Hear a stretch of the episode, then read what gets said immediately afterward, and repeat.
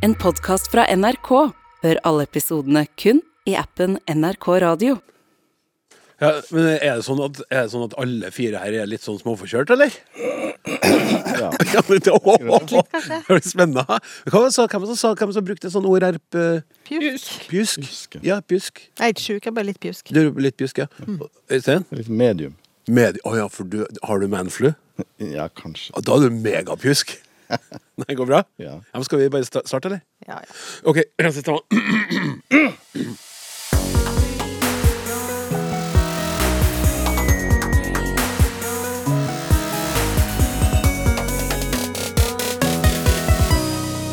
Er det mulig å si at det finnes et eget Oslo-mål? Hvordan brukes 'hvordan' som hvilken? Betyr uttrykket 'den dag i dag' noe annet den dag i dag enn det gjorde før? Og vi ser på en snodig bruk av ordet 'snedig'.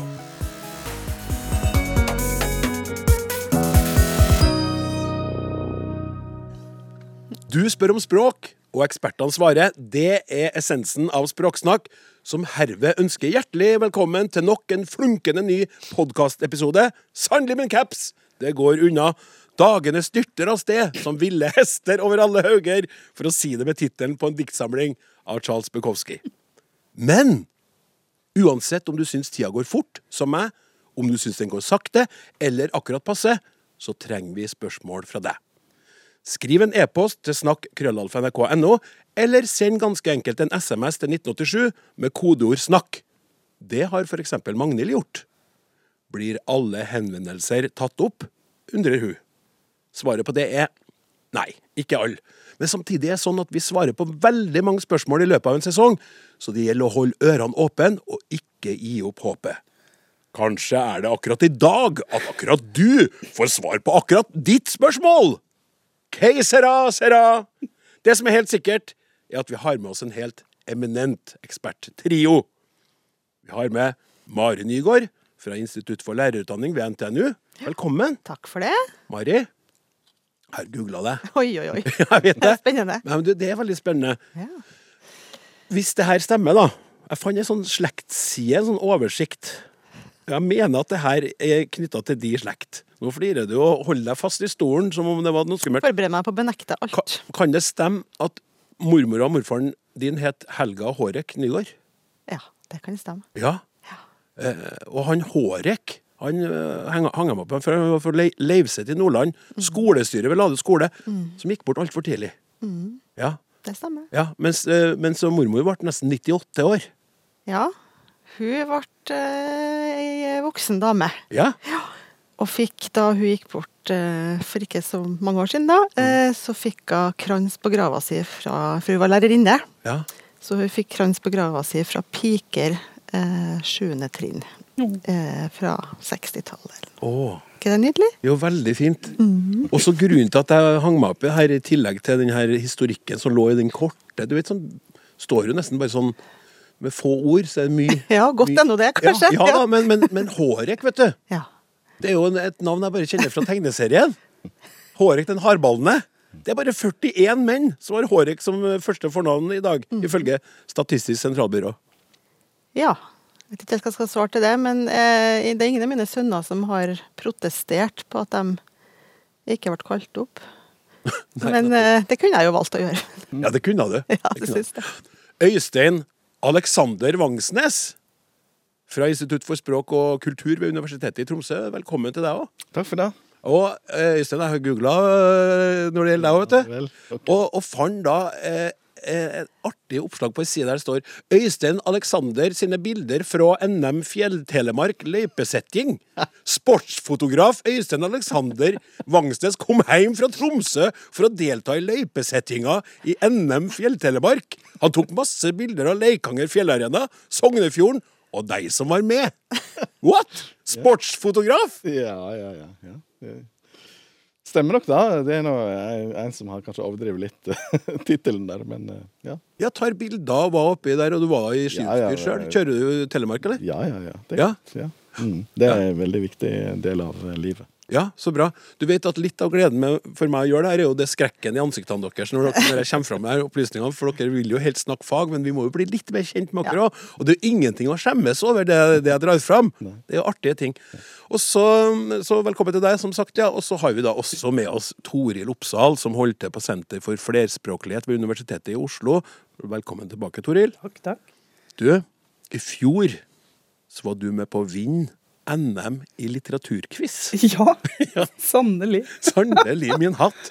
Med, eh, i, eh, som medlem av laget Jantes Inferno. Det stemmer. Hæ? Ja, det stemmer. Ja, Det var stor idrettsglede. det, det skjønner jeg. Ja, ja. 62 av 84 mulige poeng. Ja. Ja. Hvordan, hvordan spørsmål eh, gikk Og det det på? var alt mulig rart. Men jeg tror vi vant fordi vi var en god gruppe med quizere. Eh, Mm. forskjellig alder, forskjellig kjønn, forskjellige interesseområder. Og det er det som gjør quiz til en fantastisk sport. Mye bedre enn fjellsportfotograf. Altså. Det, det er at eh, her får du uttelling for alt Ja, sammen. nettopp. Ja. Du trenger ikke å være på ski for å, for å, Nei. for å vinne. Nei, takk og lov. Hver- sin smak, men veldig hyggelig å ha dere her, eh, alle tre. Vi har fått inn eh, masse fine spørsmål, så nå syns jeg at vi stopper her småpraten om deres liv utafor forskerverdenen, og går i gang. Språksnakk med Klaus Sonstad. Hei! Folk utenfra Oslo påstår ofte at vi ikke har et eget Oslo-mål. Jeg er vokst opp i områder i Oslo hvor man for eksempel kunne si Har du ikke funnet skjerfet ditt, eller? Altså Unnskyld, Tore, men jeg prøves. Har du ikke funnet skjerfet ditt, eller hva? Står det i klam klam her, da. Det er ikke så innmari mange som har sittet inn! Det er ikke så veldig mange som har sittet i den. Var dette bare rester fra innflyttere, eller kan man påstå at det finnes skråstrek fantes et Oslo-mål?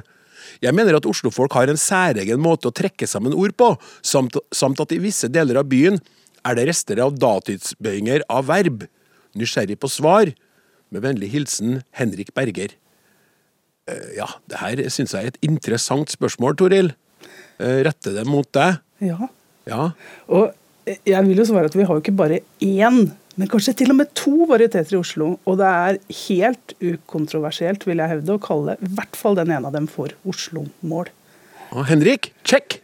Og den aller første store undersøkelsen av språk i Oslo, eh, som foregikk på 1970-tallet, Taus-undersøkelsen, den handla ikke om tauser, men den sto for altså da talemålsundersøkelsen i Oslo. En av utgivelsen derfra den heter faktisk nettopp 'Vanlig Oslo-mål vel'. Eh, og så syns jeg det er veldig artig at eh, Henrik Berger her han skriver er dette her bare rester av innflyttere? Og Det er interessant, for et klassisk kjennetegn ved bymål i det hele tatt, det er nettopp at her skjer det språkmøter. Og det er møter mellom folk og mellom institusjoner, mellom talespråk, mellom skriftspråk og mellom ulike typer tale og skrift. Og den Oslo-målvarieteten som Henrik skriver om, og som du prøvde å uttrykke her, den, den er det jo flere som har prøvd seg på, eh, også i nyere tid. Og jeg syns det er artig at vi kan snakke om geografi eh, når vi snakker om Oslo. Vi kan snakke om øst og vest. Men når man beskriver geografi og forskjeller innad i Oslo, så holder det ikke med kart og kompass. Det er ikke kun geografi det handler om. Det handler om de menneskene som tradisjonelt har bodd der, og de fellesskapene som de utgjør. Um, og vi kan jo kanskje starte med å snakke om vanlig Oslo-mål. Ja, kan ikke vi gjøre det, da? Ja. Og det er jo en term som tradisjonelt er brukt om dialektene på stedet. Og der vil jeg skyte inn med en gang at dialekter, det har en verdi. Det er vi veldig, veldig glad i. Eh, vi vil veldig gjerne ha en dialekt! Eh, og det har vi. altså For Oslos vedkommende så er jo den tradisjonelle dialekten den henger sammen med dialektene sør for Oslo, altså det vikværske området, og nord for Oslo, opp mot eh, Romerike, eller det midtøstnorske. Så her deler man noen trekk med dialektene sør og nord. Og så nevner jo Henrik Berger er en særegen måte å trekke sammen ord på. Eh, hva, var det for noe? Var det, ha, har, Har du ikke, ikke? har du ikke funnet skjerfet ditt? Og Det er innmari mange som har sittet inn. Ja, altså Innmari, ja, det er artig. det. Innmari. Ja, Og, det, og det er klart at Noe av dette handler om muntlige trekk mer enn det handler om dialekttrekk. Men dette med denne D-en som blir til en R i Haru, f.eks., Mm. den er nok ganske karakteristisk. Og så har du noe jeg er veldig glad i. Det er den derre I-en. Finni og sitti. Ja. Den legger vi merke til. Og den, den skiller seg nok ut fra en del av eh, dialektene omkring. Toril, Ja. du sa jo at det er noen som har prøvd seg på Ja. moderne tid òg. Skal vi ta så slippe det bare litt før du fortsetter, så vi får, så vi får litt mer lyd på det? En som har prøvd, det er jo Oslo-losen. La oss høre på. La, la oss høre litt på Oslo-losen her. Skal du forstå dagens Oslo, så må du forstå gårsdagens Oslo. Du er hjelpeløs i denne byen hvis du ikke skjønner hvordan Oslo var før i tida. Det var jo Harald Eia sin Oslo-dos. Mm -hmm. En ganske markant karakter. Fikk jo ikke så mye Ja, du, eksempel men på du fikk denne Varu Ja. Eh, igjen, eh, og du fikk hjelpeløs. Du, du hadde en L der som ikke var hjelpeløs. Nesten som en R. Hjelpeløs. Og så sa han fortida. Mhm. -hmm. Så ti som eh, et uh, hunnkjønnsord. Altså et sånt tregenussystem hvor du både har hannkjønn, okjønn og intetkjønn. Er jo typisk for eh, klassisk Oslo-dialekt. Og det gjenspeiles også i pronomenbruk. Man kan høre om både hu og a, også hender. Eh, og påpekende Eller litt sånne preproprielle artikler kan vi også høre. Preproprielle artikler, prøv å si det. Preproprielle artikler. Utmerket. Der har vi f.eks. av Toril og Klaus, som vil være eksempel på det. Og så har vi noen egne spørreord, som jeg tror Øystein vil være glad i å høre litt om. Så vi kan jo spørre både offer og åssen, og kanskje også å. Og- ja, og ære for noe? Og ære for noe? Hva ære for noe? Eh, diftonger. Eh, nå skrøt jeg av deg, f.eks. Jeg skrøt ikke. Og andre Altså senking av vokaler. Så du har ikke riktig lyst, du har kanskje riktig lyst. ja. Eh, Det er så så, bra, vet du. og så her er det veldig veldig mange trekk. Men så er det helt sikkert noen som sitter og kanskje ikke rister og hører på, men, men noen tenker at dette høres jo litt gammelmodig ut. Og det høres ikke helt ut som det Oslo-språket jeg har hørt. Og det er både fordi det fins en annen variant. Eh, Det er den varianten som vi finner tradisjonelt vest i Oslo. Og der tror jeg ikke Oslo-losen vil sette sin fot, eller i hvert fall, Nei, hvert fall ganske Den peker ditover, ja, bare å si. Ja, peker ditover. Og, og det er jo at de trekkene vi har snakka om nå, de hører tradisjonelt til det østlige området, til arbeiderstrøk, som også fikk veldig mange nye språkbrukere i samband med industrialisering. Befolkningsvekst på 1800-tallet. Men så er det også en annen viktig del av Oslo. Det er at det har vært og er fortsatt hovedstad. Så der har man institusjoner, og man har en del folk som også er knytta til det å drive og drifte et land. Ja. Eh, Og da kommer skriftspråket særlig inn og er viktig. Mm. Og i vårt tilfelle, jeg er lei for å måtte si det, det er dansk altså, som har hatt ganske mye å si. Eh, Men dansk har jo blitt norsk, og det har blitt norsk i Oslo. Så vest i Oslo så er det noen, ganske mange faktisk, som har vokst opp med et morsmål som man kanskje kan kalle for riksmål, som noen vil si. Og det er også en type Oslo-mål. Ja. Um, og der har du ja, nær sagt det motsatte av de trekkene vi har snakka om. Uh, så du vil ikke ha i, f.eks. finne i, den der i, verb. Du vil ha funnet. Eh, du vil ikke ha de samme diftongene. Du vil ha færre a-endelser. Eh, og du vil kanskje også ha et eget ordforråd på noen områder. Eh, du vil kunne snakke om eh, ja, et klassisk trekk, tradisjonelt, er jo det som daler ned fortsatt fra himmelen. Sne. ja, sne. Før var det morsomt med sne. Før var det morsomt med sne. Kanskje du har lyst til å vaske hendene dine med CP fordi du er litt sort. Eh, Men, men igjen så er det noen som sitter og rister og hører på at dette høres jo litt gammelmodig ut, og det gjør det. Eh, Fordi en god del av disse trekkene er i ferd med å forsvinne, eller har forsvunnet. Så de to varietetene i Oslo begynner å ligne på hverandre. Både på den måten at klassiske trekk, som Oslo-losen gjør sitt beste for å bevare, vannes ut og forsvinner. Og også at denne vestvarieteten, eller denne riksmålsvarieteten, begynner å ta opp i seg trekk fra øst. Ikke minst så gjelder det a-endelser. Så det er ikke kontroversielt å høre døra og ikke døren, som jeg nå ser til høyre for meg her. Eh, alle steder i Oslo. Og så er det jo sånn at disse formene fins jo fortsatt, flere av dem. Oslo-losen kan bruke dem, og det er jo forskere som Karine Stjernholm eksempel, og Ingunn Indrebø Ims som har vist at det å bruke disse klassiske trekkene, de, de bruker vi mer. Vi leker med dem, vi spiller på dem for å markere en tilhørighet. Ja. Uh, og jeg syns Karine Karine Stjernholm sin doktoravhandling har et veldig fint navn. Den illustrerer dette, for hun sier 'stedet velger ikke lenger deg, du velger et sted'. Så du bruker disse språktrekkene til å orientere deg og reise og markere tilhørighet på kryss og tvers i byen. Og når trekk forsvinner, så får man av og til behov for å finne nye for å markere tilhørighet. Og det er noe jeg har vært med på å se litt på. Og det er særlig i områder der vi møter folk med veldig mange ulike språkbakgrunner, som da skaper sin egen lokale dialekt basert på sitt språk. Jeg tror vi må vente, bror, med den Ja. greia, bror. Til Ja. senere, bror. Det får vi gjøre. Men det er Spennende er det. Ja, det er veldig, veldig spennende.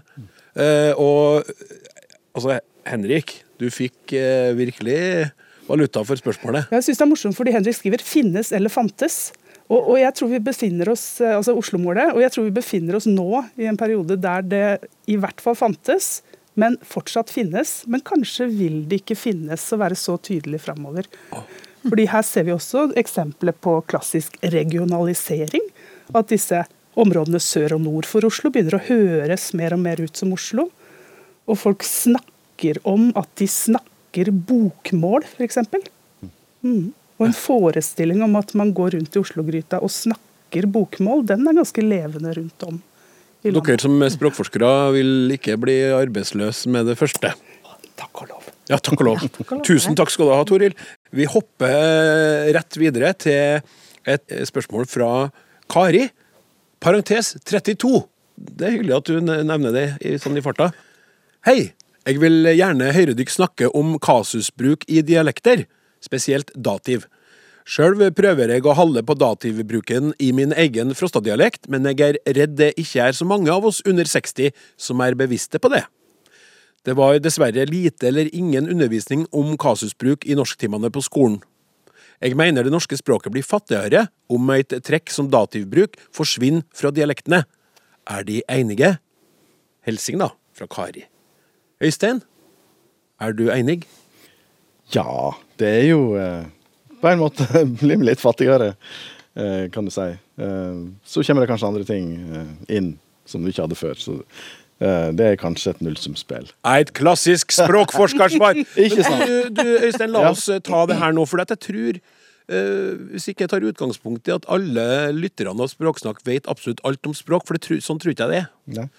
Eh, Kan vi ta kasus og, og dativ sånn bare Mm. Forklare det, rett og slett?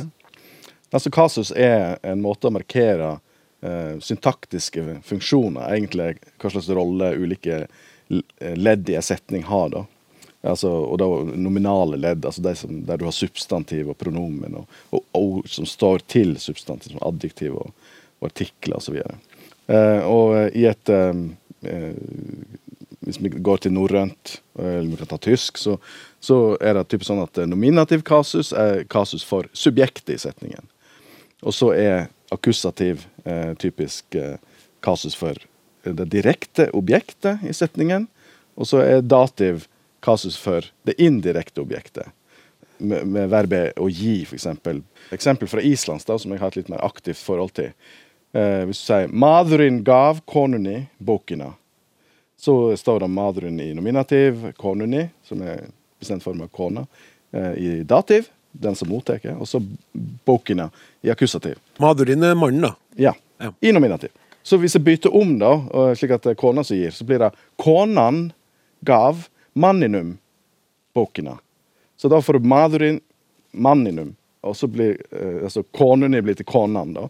Og det er sånn markerer en da eh, eh, de semantiske rollene, egentlig, eh, med kasus. Og, eh, så det er én type. altså Verb bestemmer eh, hva slags kasus du får på de ulike ledd i. da. Eh, og så har du òg preposisjoner som styrer kasus. Eh, og de som har tysk, vil jo kjenne disse her eh, ramsene, eh, oppramsingen av preposisjoner. sant? An auf hinter in neben before zwischen, ikke sant? Som da kan ta Akkurat de kan jo ta enten akkusativ eller dativ. Og det beror på eh, om det er retning inn i noe, eller om det er, skjer på en plass. Um, så det, til sjuende og sist så er det semantikk, altså betydning, som, som er inne og bestemmer her. da. Så det er et system der en bruker det her eh, bøyingene av substantiv og litt andre ord til å markere eh, da eh, betydninga. Og så eh, er det sånn at vi har jo mistet det her systemet i, i overgang fra norrønt for middelalderen til moderne norsk, da, stort sett. Så det eneste plassen vi har atter litt kasus, det er i pronomensystemet. Så jeg sier altså 'jeg gav deg ei bok', ikke 'jeg gav du ei bok'. Og jeg sier heller ikke 'meg ga du i boka. altså. Så vi har noen rester av dette her eh, med kasus i pronomensystemet. Men i norske dialekter, og svenske dialekter, så har en litt rester av dativ. Um, og, og det er et område sånn for inntil ganske nylig, da, som omfatter Nordvestlandet, Trøndelag eh, og nordlige deler av Østlandet. Og så går det inn i Sverige, deler av Sverige og litt nordover i Sverige. Og, eh, eh, og da er det eh, sånn at eh, hvis vi kan ta eh, sunnmørsk, eksempel, så kan du si at eh, han skal på fjorden og fiske. Sant? Da er det retning til Det er ikke forskjell på nominativ og akkusativ lenger, men han kan si han er på fjorda og fisker. Han er på fjorda. Da er det dativ. Og da er det liksom Da er han på den plassen, uten at det er noe bevegelse i, inne i bildet. Ja. Og den typen eh, markering fins det enda en del av, da. Hva, er det- hva er det Kari bekymrer seg for? eh, For, eh, for hun skriver jo hun prøver å holde på datibruken i sin egen Frosta-dialekt, men er det ikke så mange av folk under 60 som er bevisst på det? Ja, det er jo sånn at eh, det er jo ingen som blir opplært dette her, annet enn at de tilegner seg den lokale dialekten. Nei, hva er varianten hvis, hvis, vi, hvis vi mister det? Hva sier vi da, da? Ja, da har du ingen Altså, Sunnmøringen vil jo si at han er på fjorden og fisker, ikke på fjorda og fisker. Det er der en nusser, da. Eh, Så det har egentlig ikke ja, Men du kan vel ikke si at grunnen til at det mistes, eller man kan i hvert fall spekulere i om det er grunnen til at det mistes, er jo at vi forstår det ja da. Vi forstår det jo likevel. Ja. ja. Ikke sant? Som du, eh, jeg forstår jo at han er oppe på sjøen, eller Mm. eh, Så du sier han mister den, kanskje den betydningsnyansen, men Mm. semantikken eller betydninga kommer fram likevel, og da er det lettere at trekkene Mm. Ja. går tapt. Og så er det veldig redusert, og, så, og en ser sånn helt sånn Det følger et eh, samme mønster overalt når denne type kasussystem forvitrer. F- eh, først så får du sammenfall mellom nominativ og akkusativ, og så henger dativen atter, og, og så mister du da kanskje et, eh, ved verb, og så står du igjen med bare preposisjoner. At du får da etter preposisjoner. Og til slutt så står du kanskje igjen med bare noen pronomenformer som har det. da. Ja, jeg tenkte jeg kunne nevne også at det er en del språk som har eh, tydeligere kasus. Og som da Det vi har i norsk, er jo at leddene, setningsleddene, de må ha en ganske sånn bestemt rekkefølge, og gjennom det så forstår vi hva som var subjekt, og hva som var objekt, ut fra hvor det står hen i setninga. Mens en del språk eh, som har kasus på alle, eh, alle nå, men dem vil, der vil det kunne komme fram gjennom kasus, så der kan leddstillinga være friere. ja. For at du skjønner det ut fra kasus hva det var som var subjekt og objekt. Mens når kasus forsvinner, så må rekkefølgen være strammere. ja. Føler meg som et lite kasus. eh, ja, for Jeg syns det er litt sånn tunga rett i munnen-greie. Men eh, det, ja, det, det, det, framstår som vanskelig i bruken av kasus og dativ og tjo og hei, men så er det jo veldig, når du kommer med eksempel, så, så skjønner jeg jo hva det handler om. Noen ganger så er jeg representant for lytteren, noen ganger representerer jeg bare meg sjøl. Og kanskje akkurat nå så tenker lytteren hva er det med Klaus i dag? Han er jo helt bort. Men, eh, men, men, men sånn, det har ikke noe praktisk betydning for forståelse. Men det kan jo klargjøre. Altså, jeg satt her og lytta til Øystein, men jeg ser han også. Eh, Jeg er så heldig at jeg får se han. Og, og Øystein bruker veldig Han bruker kroppen sin og armene og forklarer både tilsted og påsted og avstand og litt av hvert her, eh, som gjør det om mulig enda tydeligere. Eh, Men hadde dativen blitt bevart, så hadde jo en del av de trekkene faktisk vært entydige. Så ja, det er forståelig, men det blir enda tydeligere med det mangfoldet. Nå ble det enda tydeligere for meg òg, og enda mer forståelig. Ja, men det er bra. Ja, men det er tydeliggjøringa. Så det er egentlig litt synd da at det forsvinner Ja. gjennom forenkling. Ja. Også fordi at det, det er herlig at språket er variert og rikt, men det, er også, det har funksjoner som blir borte. Takk skal du ha, Øystein, og takk skal dere ha, alle tre.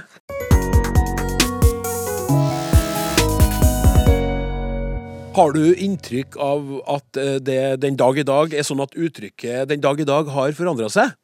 Det skal vi snart snakke om, men før det skal vi ta for oss en snodig, eller snedig, observasjon. Hei, Klaus! Jeg flytta fra det som tidligere ble, tidligere ble kalt Nord-Trøndelag til Trondheim for rundt 13 år siden, og ble etter hvert romantisk involvert med ei fra Trondheims forstad, Malvik. Under kurtiseringsfasen av vedkommende beit jeg meg merke til at hun, at hun konsekvent brukte ordet snedig, der jeg ikke syntes dette adjektivet passet.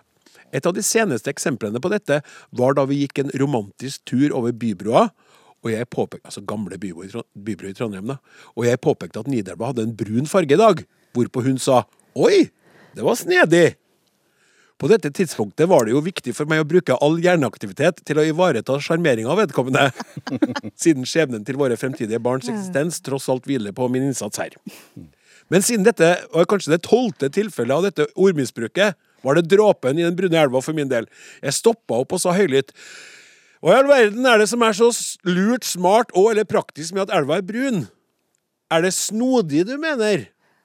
Husker ikke helt hvordan diskusjonen gikk videre, men den kunne tydeligvis ikke ha gått så ille siden jeg i dag er gift med vedkommende og har sammen med henne koprodusert to barn, hvorpå eldstemann på fem har arva ansvaret med å påpeke språk- og uttalefeil til foreldre. Og små, småfrustrerte barn i storbarnsavdelinga i barnehagen skal vi tro in informasjon gitt under foreldremøtene. Jeg oppdaga at bruken av ordet snedig ikke bare gjøres av kona mi, men samtlige fra Trondheim og omegn. Hvorfor? Er det dette som kalles idiolekt? Bonusspørsmål. Hvor mange folk kan feilbruke et ord før det kan anses som dialekt? Og deretter språk? Med vennlig hilsen Halvard. Ja. Eh, Mari, det her er herlig. Det her er jo en eh, takk for et, eh, en, et, en fest av et spørsmål. ja, jeg må si gratulerer først til innsender da, med å ha kapra seg en eh, snedig trønder. Eh, her var mye å ta tak i. Mm. Jeg har leita litt, for at jeg er jo trønder sjøl, så jeg kasta meg jo over det her spørsmålet. For jeg syns jeg bruker det sjøl, da. Jeg tror jeg sier snedig like mye som snedig. Ja. Men det er nå bare en variant. Eh, så måtte jeg lete litt i ordbøker og sånn. Jeg finner egentlig ikke som oppslag i sånn typiske trønderordbøker som er gitt ut. Men jeg fant en bok som heter 'Snedig og kun trøndersk'. og det kan jo kanskje tolkes som at det jo nettopp er et typisk trønderord. Og det tror jeg jo, eller det er jeg ganske sikker på at det er. Nå sier jo egentlig ikke innsender helt eksplisitt hva han legger i ordet eh, i, i spørsmålet sitt, men jeg, vi kan sikkert gå ut fra at det er noe i retning lur eller eh, lurt eller praktisk eller hendig eller kjekt å ha, eller noe sånt, som han mener at skal liksom være det her snedig eh, betydninga. Han vil jo bytte ut med snodig. Han vil bytte ut det i denne Sammenhengen. sammenhengen her, ja. Og det er jo det vi må nærme oss litt av, om det er noe eh, beslektskap, eller i hvert fall noe smitte, eller eh, over i det her, da. Jeg fant et oppslag i Adresseavisa for noen år tilbake som står det stod at det er snedig at flere sentrale bygninger for den jødiske historien i Trondheim nå har blitt morobutikker. Det kan jo ikke tolkes som at det er så veldig praktisk, i hvert fall ikke. Eller hendig. Eller lurt. Nei. Eh, det, det må jo tolkes litt mer i retning av snodig. Sånn at eh, det er i hvert fall flere enn kona hans, da, og, men han har jo allerede konkludert med at det her er jo hele Trøndelag eh, som, som bruker det her. Eller Trondheim og omegn. Trondheim og omegn. Ja, Ja. for han var jo nordtrønder sjøl. Ja. Trondheim og omegn. Jeg tillot meg, ettersom jeg i likhet med innsender, da, så har jeg jo tilgang på en del trøndere i min næreste omkrets. Så jeg gjorde en liten eh, uvitenskapelig undersøkelse i sakens anledning. Siden jeg fant ikke så mye egentlig liksom, i ordbøker og sånn. da. Jeg spurte en eh, liten gjeng, og det ble stort engasjement. Så et lite snedig påfunn fra min side i den forbindelse. Og da skriver de ting som De sier at det er lurt, da, og nyttig kan det bety. Artig og liksom litt triksy. På en litt fiffig måte. De knytter liksom den fiffigheten til litt sånn uttale òg, noen av dem, sier at snedig. At du sier det litt med litt sånn synkende tonefall. Ja. Men det sies liksom at det er annerledes på en positiv og kanskje litt corny måte. Det er min oppfatning av ordet. Ja, min Eh, ja, Jobba i Adresseavisa. Har Ja. en kollega, skal ikke nevne han, har brukt det ordet mye i anmeldelser og sånn. Og da er det sånn oppfatning jeg har hatt hver gang jeg har forstått det, bruken av det i den sammenhengen. Så da er det litt annerledes enn snodig. Det er helt klart annerledes enn Eh, snodig. sånn at det er en, en snedig sånn. løsning, for eksempel. Det er en litt utradisjonell og litt, kanskje litt snål. Litt rar, men også litt smart. Ja. Litt sånn Petter-smart. Så rar på en litt sånn fin måte. Litt sånn et skeivt, men likevel koselig hus. Og det er hyggeligere å kalle noen en snedig type enn en snodig type, syns jeg. Ja. Eh, det har liksom et element av smartness i seg. Kan jeg bare, Så, bare ja. Mm. kjapt, hvordan kjenner dere ordet, Toril og Øystein? Nei, det, sånn som du beskriver det nå, så høres det ut som en kombinasjon av snedig og snodig i mitt uh, repertoar. Ja. Altså, Hva var det du sa? Det, det, det litt positivt rare å Ja. fikse. Ja, Mm. snedig. Ja, nei, jeg har jo merka meg at trøndere sier dette her. Du har det, ja? Men jeg har ikke noe eh, sånn annet eh, forhold til det enn det. Nei? Jeg tror eh, mitt tidligere arbeidssted, Norsk ordbok, har markert Trøndelag på en egen betydning av snedig, faktisk. Men jeg, jeg tror det. Jeg, mm, Det kan godt hende. Ja. Jeg begynte å kikke litt på um, etymologien uh, i det her. Og så er det noe med grunnbetydninga her. Det kommer av sned og, og snida fra norrønt, som handler om å skjære på skrått. Så det er et eller annet med det her litt skrå, litt skeive. Nå eh, spekulerer og tolker jeg litt, da, men Jeg med jeg syns det ligger Den her liksom skråblikket. Ja. Det er noe som er på snei, mm. som er snedig. Eh, og da siteres det fra Hamsun, som skriver eh, at han har et snett sideblikk. Så du ikke hvor sned han var i øynene? Litt Ja. den her Kommer inn på et gjesterom, sant? ser en, en utrolig snedig løsning på hvordan senga er, kan tas opp sånn at du frigjør plass i det lille rommet. Ja. Det var snedig! Ja, det var snedig. Det var snedig, dere tror jeg skal hvordan- Ja, akkurat, ja. Ja, og det var ikke Da sier du ikke, hvis du sier 'å, det var snodig', Ja. da skal du i hvert fall ikke gjøre det hjem når du kommer hjem på ditt eget gjesterom. Nei, men snedig, det var litt sånn fiffig. Ja. Så lurt at du tenkte på det. Ja. Det er jo et flott ord. Ja. Ja, det må jeg jo bare si. Så jeg, jeg liksom Ja, det er veldig inhabil, men det står jeg for.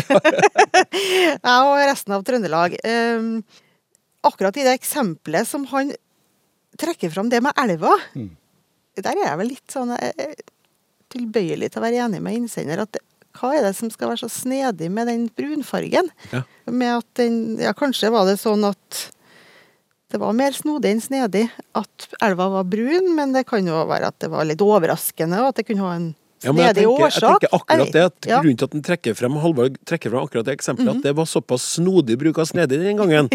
At de, det er det han husker. For det der kanskje var den som traff minst, mens andre ganger, når denne her kjæresten i livet, da, hans eh, kvinne og mora til hans to barn, eller deres to barn så Da bruker det ganske greit. Man lurer på det, men så hører en det der. Det er jo ikke snedig at elva er brun i dag. Det er jo snodig. Ja. Sånn at jeg forstår den. Som trønder har jeg jo lyst til å si at han må jo omfavne det fantastiske ordet snedig, og være glad for at han har en kjæreste som har et så flott ord i sitt ordforråd. Oh, veldig bra. Det syns jeg jo. Ja, Ja, altså bare sånn kjapt Halvor spurte jo også om før det kan, altså hvor mange ord kan feilbruke Hvor mange folk kan feilbruke et ord før det kan anses som dialekt og deretter språk? Altså det, så vidt jeg skjønte nå, det, det er jo dialekt. Ja, det vil jeg jo si. Ja. Når det, han sier jo det at eh, hele Trondheim bruker det. Ja. Og det er jo en del av språket. Mm. Her i. Absolutt. Ja, det er fint. Hei, jeg heter Ida, og favorittordet mitt er elektrisk. Eh, fordi jeg er veldig glad i elektrisitet. Eh, og så har ordet elektrisk veldig mange ulike bokstaver og flere stavelser. Vi skal eh, kjapt innom noen eh, tilbakemeldinger fra lytterne. Vi, vi har snakka om, eh, om det med å være fysen.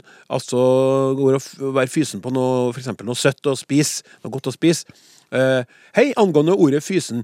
Jeg er fra Kristiansand og bruker ordet kjesken der dere bruker fysen, fikk vi inn for, eh, for uh, eh, litt siden. Går det igjen flere steder? Er, er det en Kristiansand-ting? spurt vedkommende. Så fikk vi en SMS da. eh, I Rogaland sier man kjesken som i Agder. Og så kom det en melding fra Anonym. Eh, I Grenland, Skien Porsgrunn, sier de skjessen om å være fysen på noe.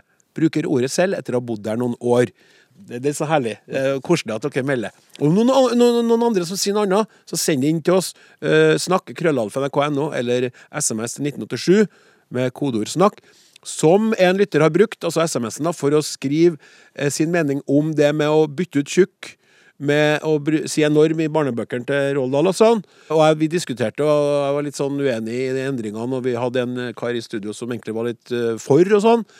Heia Klaus, sier du med store bokstaver her. Jeg vil mye heller bli kalt en stygg tjukkas enn en enorm ekling.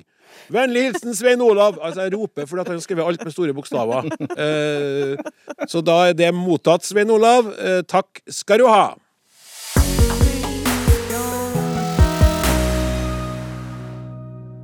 Har uttrykket 'den dag i dag' forandra seg? For eksempel når, eh, eller da samene demonstrerte utafor Stortinget, i dag står det en, stund siden nå, så hørte jeg i et intervju at eh, en same sa 'den dag i dag er det Greta Thunberg som er den største profilen her'. I gamle dager sa vi for eksempel at jeg hadde sex med den dama på sommerfesten i 1997, forstår jeg ikke den dag i dag. Ja, Nå sto det ikke akkurat 'hadde sex med', men jeg skrev det om for anledningen. Ser dere forskjellen? Med vennlig hilsen Tore Johan Bakke. Toril, har du den dag i dag eh, forberedt et svar på det spørsmålet? Jeg, jeg har det. Eh, og uh, Tore Johan Bakke spør jo har uttrykket forandra seg. Eh, jeg, sånn som jeg oppfatter det, så er dette uttrykket i ferd med å forandre seg. Eh, så her er vi eh, rett inn i nyhetene. Eh, direkte foran Stortinget. Og grunnen til at jeg tror det, at det er at diskusjoner om dette uttrykket, det vekker følelser.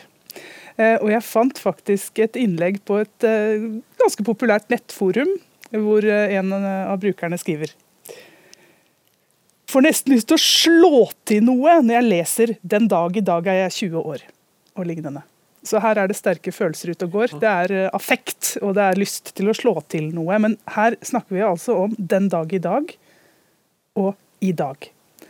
Eh, og at disse begynner å gli litt over i hverandre. Og den dag i dag, det betyr i hvert fall tradisjonelt fremdeles. Fortsatt. Ennå. Stadig vekk. Eh, og da hører du på sett og vis at du tar med deg fortiden inn i dagen i dag, og skaper en ny ramme for hvordan vi skal forstå det vi forteller om i dag. Jeg skal gi deg et eksempel, Klaus. Jeg ser du har sånn eksempelfjes her nå. Ja, det, Ja. Jeg men det, er Takk for det. For jeg tenker også Ja. for jeg, jeg syns det uttrykket er så fint Ja. brukt på sin riktige Ja, måte. og så er det sånn at i dag, eh, det er jo en tidsangivelse som kan, men den trenger ikke å implisere noen kontrast til tidligere tider eller hendelser. Men vi er på en tidslinje her.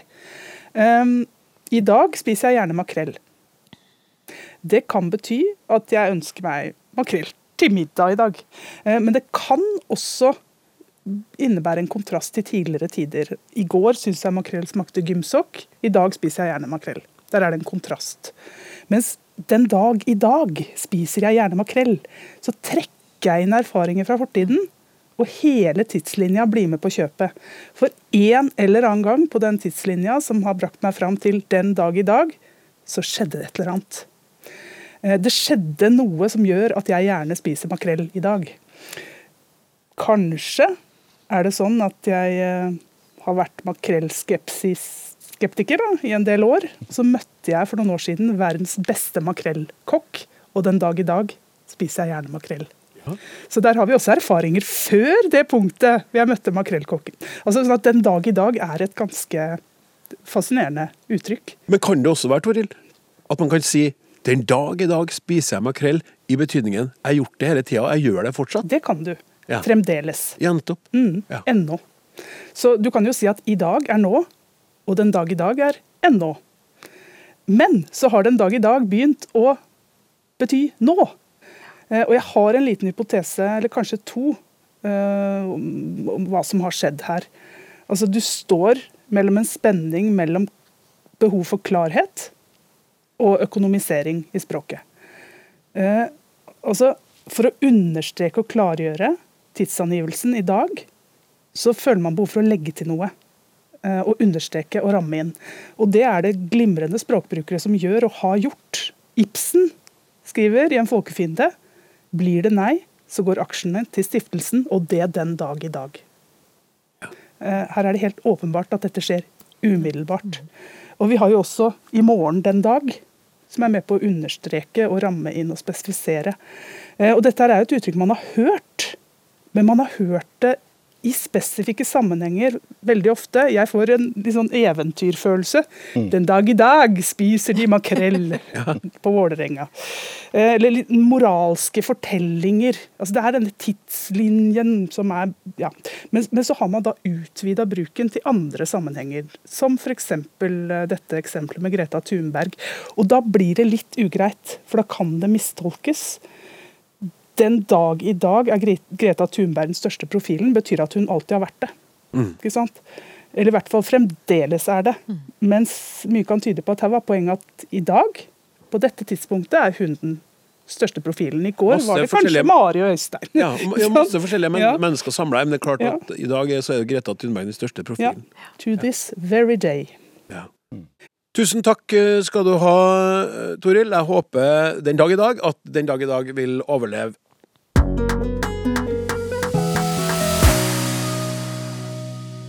Så skal vi over til et eh, spørsmål som er knytta til noe som ble eh, tatt opp av Tore André Guransrud i første sendinga i 23. Han skrev blant annet Jeg sier hva for hva, hvem for hvem og hvor for hvor. Men så Jeg sier hvordan for hvordan, men også for hvilken. Så hvordan ord kunne jeg brukt for hvilken istedenfor hvordan, var noe han spurte om. Og det var Olaf Husby som var i studio og snakka om det. Eh, og det var interessant, og vi kom innom veldig mye forskjellig. Men det som vi kanskje ikke rakk, det var å ta for oss hvordan eh, på skikkelig vis i denne sammenhengen, altså knytta til hvilken. Hør på det her. Sånn at det er kanskje et, et fenomen som er mer mot østnorsk. Og det er, er kanskje logisk i og med at jeg, jeg kommer inn fra dansk. Ja. Og så har det ikke klart å spredde seg. Selvfølgelig i skrift så er det jo overalt, men det har ikke kommet inn i, i, i talemålet. Nei. Dette spørsmålet er jo mye større, og det er jo en av, øh, som har vært på besøk her, Øystein Vangsnes, han har jo sett på det her. Ja, altså da må jeg si at vi er heldige da, Øystein, eh, som har deg her i studio når Olaf eh, trekker deg fram. Eh, Hvilken, hvilken glede det er å overlate ordet til deg akkurat nå. Åh, Oh. ja, altså eh, Hvor hen skal jeg begynne? Eh, Jeg er veldig glad for at jeg fikk muligheten til å følge opp her. For jeg har jo brukt eh, 10-15 år av livet mitt på å om eh, spørreord og deres grammatikk, eh, inklusiv òg hvordan eh, og hvordan det blir brukt. Så eh, ja. Eh, La oss begynne med å si at eh, den bruken av hvordan og hvordan og eh, tilsvarende hvorledes, som nesten alle har i, i, i norsk, det er jo når du spør eh, om en måte eh, ting skal gjøres, f.eks. Altså, eh, hvordan skal du forklare dette fenomenet? Eh, så måte. Og, så det kan vi konstatere. Den er felles for, for alle. Og så, eh, så skal vi ta et lite hopp til svensk. For svenskene, de sier hur. Ikke sant? Hur mår ni? Hur mår ni, og hur skal du forklare det her? Ja.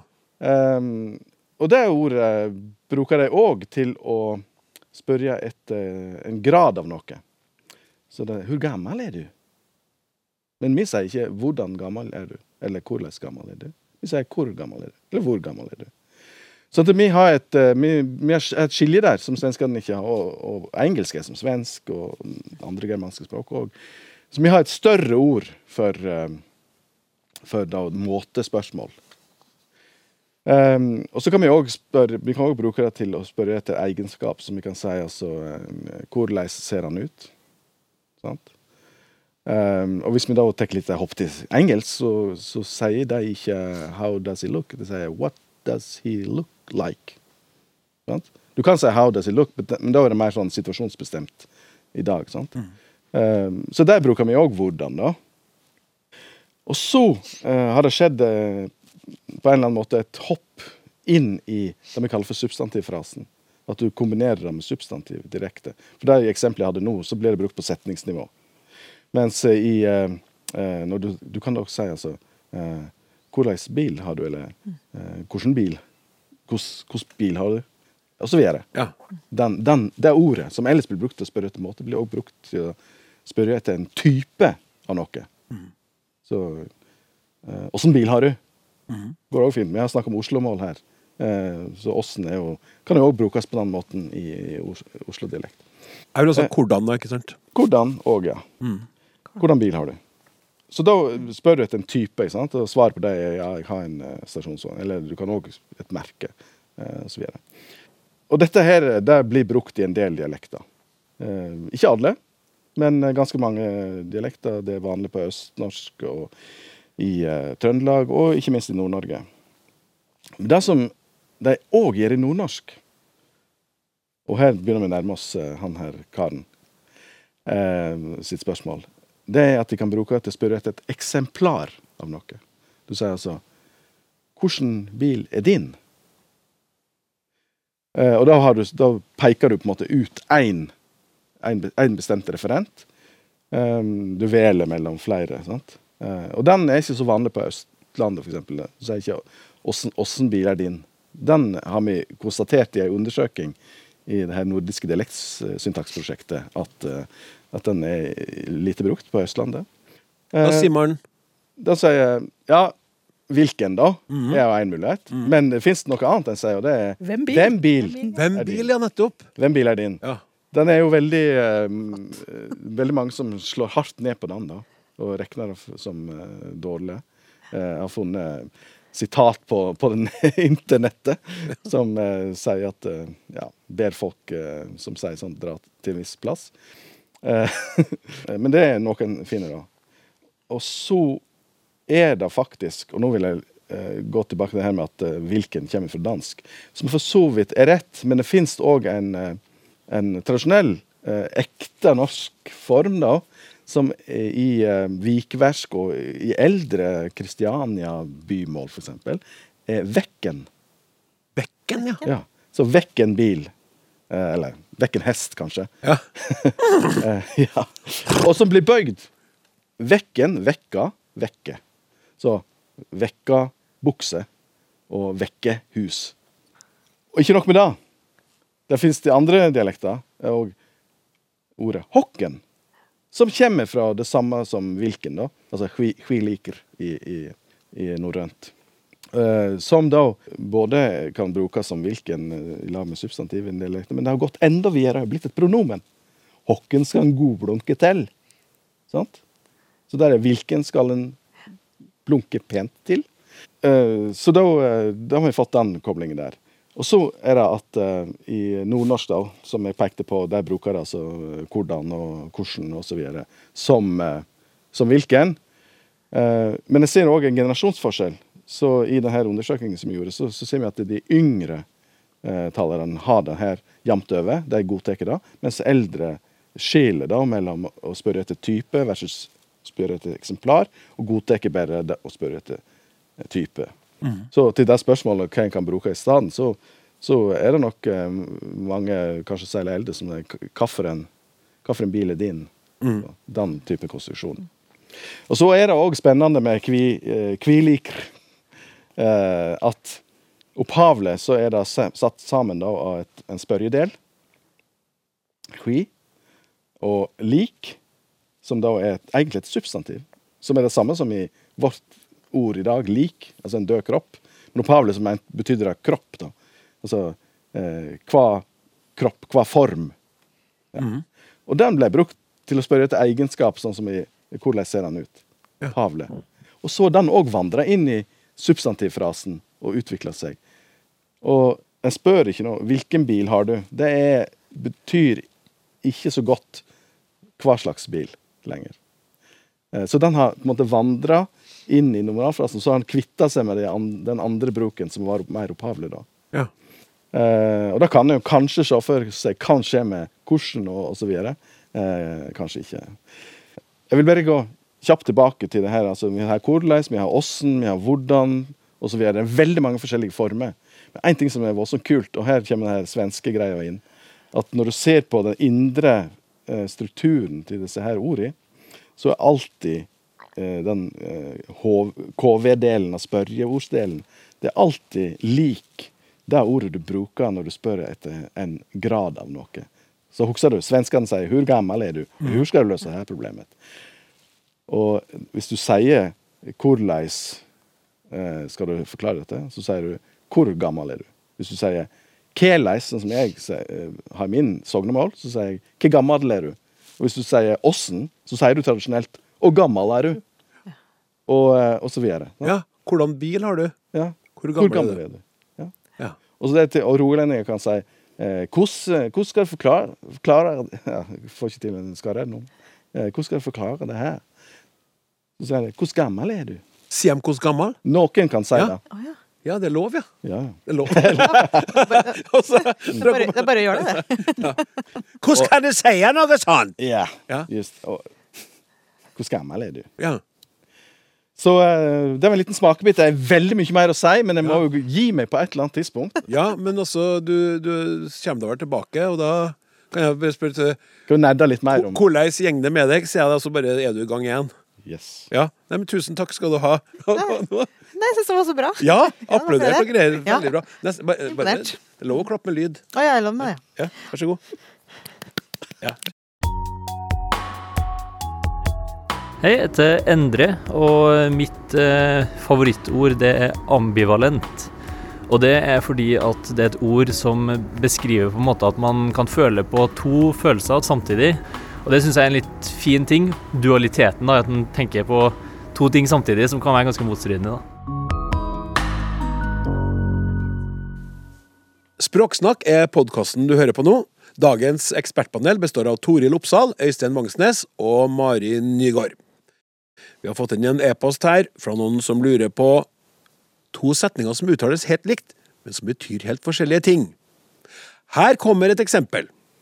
Setning A1. Han er overlegen. Setning B1. Han er overlegen. I setning A har vi en lege i høyere stilling. I setning B har vi en blærete person. Overlegen i setning A er et adjektiv, mens overlegen i setning B er et substantiv som har byttet hatt. Det er altså ikke det med at substantiv bytter hatt som er spørsmålet. Det jeg spør om er finnes det et begrep for fenomenet to helt like setninger som betyr helt forskjellige ting, men hvor man verken i tale eller skrift kan se skråstrek høre fra setningen alene hva det dreier seg om? Om vi legger til to småord, blir det klarere. Setning A2 Han er den overlegen. Setning B2 Han er så overlegen. Men om vi på norsk eh, fast hadde brukt disse smårene, tipper jeg veien hadde vært kort til bevisste humoristiske snakke-skrivefeil som Han er den overlegne. For da hadde jeg kanskje jobbet på sykehus og tullet med en kollega, hvor jeg på den ene siden tøyser med at jeg snakker feil, og på den andre siden på humoristisk vis leker med forskjellen på blære til folk, overlegne, veldig dyktige, dyktige i positiv forstand, og overlegne i betydning flink, men arrogant, som i ingen over, ingen ved siden. Vennlig hilsen Kristin. Du verden. Mari, vær så god. Takk. Eh, ja, det fins jo, jo et begrep for det her, i hvert fall på ordnivå, som vi kaller for altså Det heter for homonymi. Homonymi. Ja, altså noe som høres likt ut og ser likt ut. Ikke betyr det samme, men det ser likedan ut. Men så kan det deles inn i undertyper, så du har noe som heter for homografer. Altså at det skrives likedan, og det er jo tilfellet i det her, da. Det, han er overlegen, han er overlegen. Eh, ser likedan ut i skrift. Betyr forskjellige. Vi har også noe som heter for homofoner, der det handler om at det er lik uttale. Forskjellig skrivemåte. Det er jo også tilfellet, i hvert fall ifølge innsender. Jeg skal komme litt tilbake til det. Og så har du det her med fullstendige homonymer, der det er både lik skrivemåte og lik uttale. Og innsender eh, sitt spørsmål, eller tenker jo at det er det. Jeg har en dialekt der det ikke er sånn. Du òg har det, ja. Vi har samme dialektkluss, så sånn er det. Eh, Sånn at i min dialekt så er det jo en vokalkvalitetsforskjell på de to. Legen, altså den eh, Der sier jeg overlegen med æ. Overlegen. Mens Klysa, han er overlegen. Så der er det jo sånn at i min dialekt så er det homo, fortsatt homografer, for jeg skriver jo likedan likevel. Eh, men ikke fullstendig homonymer. Så sånn er det. det. Men det tror jeg er litt spesielt i min dialekt. Toril sin, tror jeg. Ja, nei, jeg tror jeg kunne spilt litt på den dobbeltheten. Hvis jeg sto i kiosken på sykehuset, så kunne jeg ropt 'slipp meg frem, jeg er overlegen'! Med håp om å ja. Med håp om å framstå som Hva da? Både gjennom Både overlegen og overlegen. Da var det Klysa du kalte, kalte vedkommende. Og så har de sagt 'for en blærete doktor'. Nettopp. Sånn at egentlig i min dialekt så vil jo det her være lydlig lydelig sett det vi i språkvitenskapen kaller for minimale par. At det er noe som er helt likt, bortsett fra ett trekk. Mm. Eh, Det er bare den ene eh, vokalen som, eh, som skiller dem ad, da. Om det finnes et begrep for sånne eh, sånne setninger eller utsagn som, eh, som er likedan og betyr forskjellige ting. Vi kaller det også for tvetydige setninger. Nå har vi jo vært inne på ordet ambivalent. Det er jo en sånn variant, da. Og innsenderen har jo selvfølgelig rett i at det ved å prøve ut forskjellige bøyinger av det Altså én overlege blir til den overlegen, flere overleger osv. Mens det å være overlegen blir mer overlegen og den overlegne osv. Gjennom å prøve ut grammatikken i det, så forsvinner jo de tvetydighetene. Eller det er jo det vi bruker, da, eh, for å finne ut om det er det ene eller det andre. Mm. Eller så er det jo ofte sånn at sammenhengen vil avgjøre. Altså, Vi tar ikke nødvendigvis feil, men jeg har bare lyst til å si at her trenger vi mennesker. Fordi når maskiner skal gjøre denne jobben, så skjer det en del eh, ja, misforståelser. Ikke minst knytta til det beslekta begrepet polysemi. Det er de orda som også har litt beslekta betydning, men de betyr forskjellige ting. Sånn som eh, stjerne der oppe på himmelen, og stjerne Radiostjernen Klaus Solstad. ikke sant? Eh, og, og den stjerneanispakka i skapet hjemme er legendarisk. Der står det nemlig på tysk 'Haben die Hauptrolle', sier han i sant. Altså har hovedrollen anis. Det er jo en stjerne, må vite. Eh, Så, så dette her Metafor som har kommet inn i krydderpakken. Dette er et viktig spørsmål. Eh, Det er det jo ingen tvil om. Nettopp. Ja, tilsvarende tvetydighet kan du jo få på, på, på setningsnivå ved at eh, du må gjøre en syntaktisk analyse. Mm. Så for eksempel hvis jeg sier jeg, jeg fikk et brev fra ordføreren i Trondheim, så høres den kanskje i utgangspunktet ikke tvetydig ut. Men hvis jeg sier i Trondheim fikk jeg et brev fra ordføreren, så er det jo ikke nødvendigvis ordføreren i Trondheim som jeg fikk et brev fra, men at det var i Trondheim da jeg fikk et brev fra en ordfører. Så eh, det er jo litt tilsvarende. Mm. Jeg lurer veldig på hvorfor du driver og får brev fra ordførere i tide og utide. Tusen takk skal dere ha. Språksnakk er slutt for den dag i dag. Tusen takk til panelet og til deg som hørte på. Tekniker var Morten Lyn. Produsent Hilde Håbjørg. Jeg heter Klaus Sonstad. Vi snakkes.